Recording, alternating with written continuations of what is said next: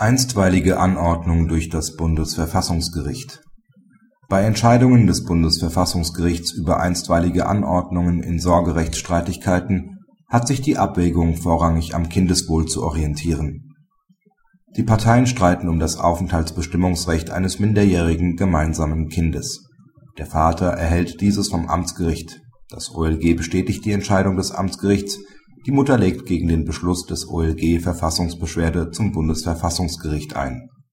Darüber hinaus begehrt sie mit einer einstweiligen Anordnung die Aussetzung der Wirksamkeit des Beschlusses bis zur Entscheidung über die Verfassungsbeschwerde. Das Bundesverfassungsgericht gibt dem Antrag auf Erlass einer einstweiligen Anordnung statt.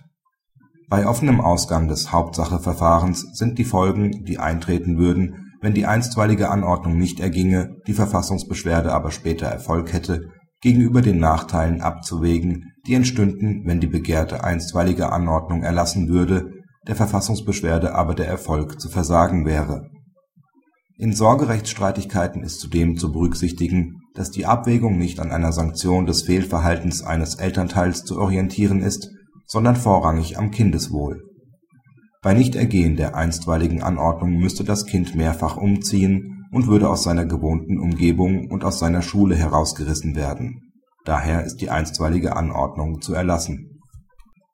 Praxishinweis Das Bundesverfassungsgericht stellt in seinem Beschluss deutlich heraus, dass bei Entscheidungen über das Sorgerecht das Kindeswohl ausschlaggebend, die Angelegenheit somit aus der Sicht des betroffenen Kindes zu betrachten ist Rein formell mögliche Umsetzungen ergangener Entscheidungen sind daher stets und letztlich in jedem Verfahrensstadium unter Kindeswohlsaspekten zu überprüfen, an diesen auszurichten und gegebenenfalls zu korrigieren